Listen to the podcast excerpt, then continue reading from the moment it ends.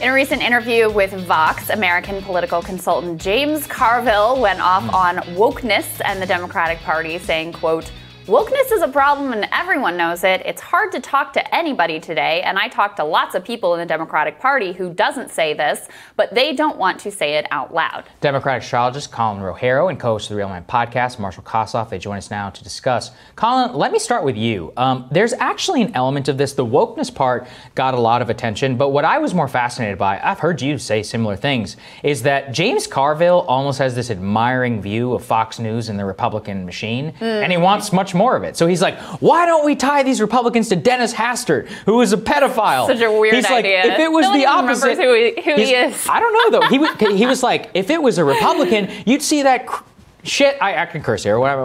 It says you see that shit on Fox News every day back in 2016. I'm like, you know, he's not wrong in terms of how many Hillary segments and more. Generally, what did you make of this entire interview? I found it fascinating. Yeah, look, I, I, think it was fascinating, and, and I agree and disagree with James in, in a couple yeah. of ways. I think yeah. there's a, you know, like, I think he's conflating wokeness and being a little bit of a snowflake in the Democratic Party in the same way, and not and forgetting the Democratic Party at its core is an opposition party. And if you're in opposition, you got to be tough. And let me curse back at you and say you got to be able to kick some ass, and you got to mm-hmm. be unafraid to do that. And sometimes that means you got to hurt people's feelings along the way. So I I, I agree with him in that regard. I, I think quote unquote wokeness if we're talking about language, I don't necessarily agree with because in some ways, look, your language has to change as viewpoints change, and that's a good thing right? Mm-hmm. When we're talking about certain groups of people, when we're talking about a you know a new way of looking at society, we got to change the language along with that. I happen to vehemently agree with him about Latinx because as a Hispanic person, as a Latino, Latinx, I can't use that. You know, dame la llave de, del carrex, like it doesn't it doesn't work, right? or no funcionex, pardon me, right? Like just bad, and I would love to see them do that to French or Italian people, right? Like yeah. go. So yeah, I, agree. I, I agree with some of this stuff. I just think like you know, it, it, people have to be a little bit more practical, you know, mm. and and and they've got to be a little bit less about being offended all the time, getting their feelings hurt. I'm with that, but you, you know, I don't, I don't, I don't necessarily identify with. Uh, you know, the super liberal portion of the party that gets angry about everything. Sure. Although I do happen to be damn liberal.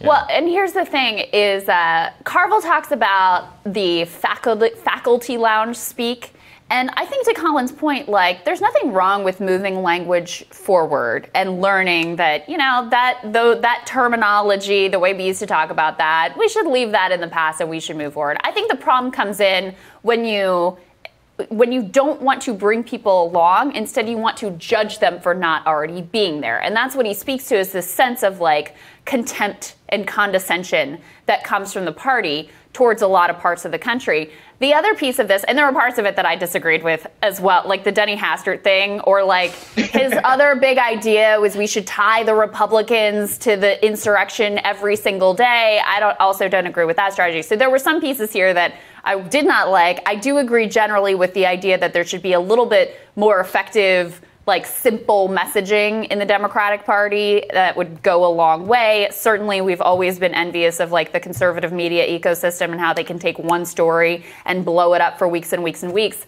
But Marshall, this part I profoundly agree with and I think is really interesting. He says, look at Florida.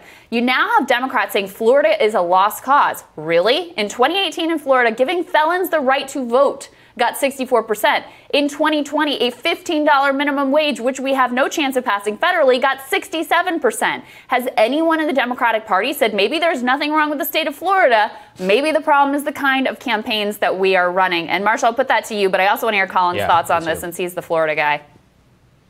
Yeah, I mean, Colin, please go first. Teach me about Florida. I mean, here's what I would say. That's absolutely right. Like, you, you, know, he is right about the campaign, the style of campaigns we're running in Florida. There's an application of DC Think that you run Florida in the way that you run other states, and it's not actually like that. Florida's almost seven different little countries broken up, and you have to approach each area in a different way. I've talked about this ad nauseum. We've talked about it on the show. Uh, and, and look, I, I think one of the biggest misses in Florida has consistently been the fact that the Latino vote is not well paid attention to, and communication does not happen with Latino audience until late, and it's done so in a way and by people who do not understand who they're talking to.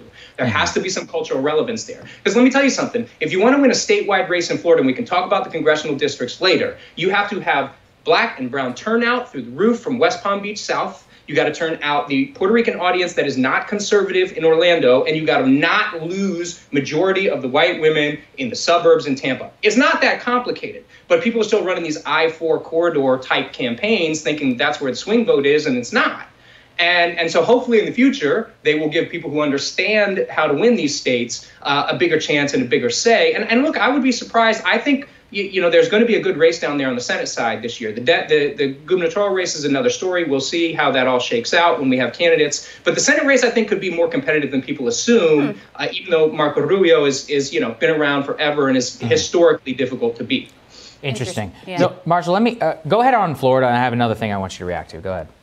Yeah, I mean, the immediate thought here, I'm glad I'm going after Colin on this, is basically just that one, it seems clear to me that Florida, if you're looking at those ballot initiatives, look, this is a nationalization of politics issue. I think that if you live, if if you look at issues like um, the, the, the voting the voting laws and the um, respect the um, criminal um, prison laws. I think those things are things that people are looking at. Like just hey, do I like this policy? Do I not like that policy? They're not mm-hmm. putting that into any broad framework of politics. But look, I think I would probably say that for the next few years, Florida probably is a lost cause for Democrats because once again, on a national level, when you're looking at those congressional races, when you're looking at those senatorial races, especially, they're going to be read through the lens of national politics. And I think yeah. through that lens of national politics, is a red state.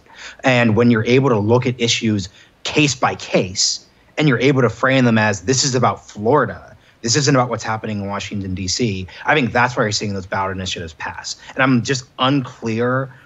I'm, it's just unclear to me how, if you're a Democratic candidate, you're going to be able to frame yourself in that just in Florida context given the fact that you have like a really strong Republican bench in the state, and given the fact that they're going to pivot things towards the national on that level. Yeah. yeah, well, I think the bigger point that he's making here, and by the way, let me just say, I have all sorts of issues with James Carville, who said that you know giving health Michael insurance Bennet's to fan. everyone yeah. is yeah, it was Michael yeah. Bennet. He said that was naive to give people health care, et cetera, et cetera.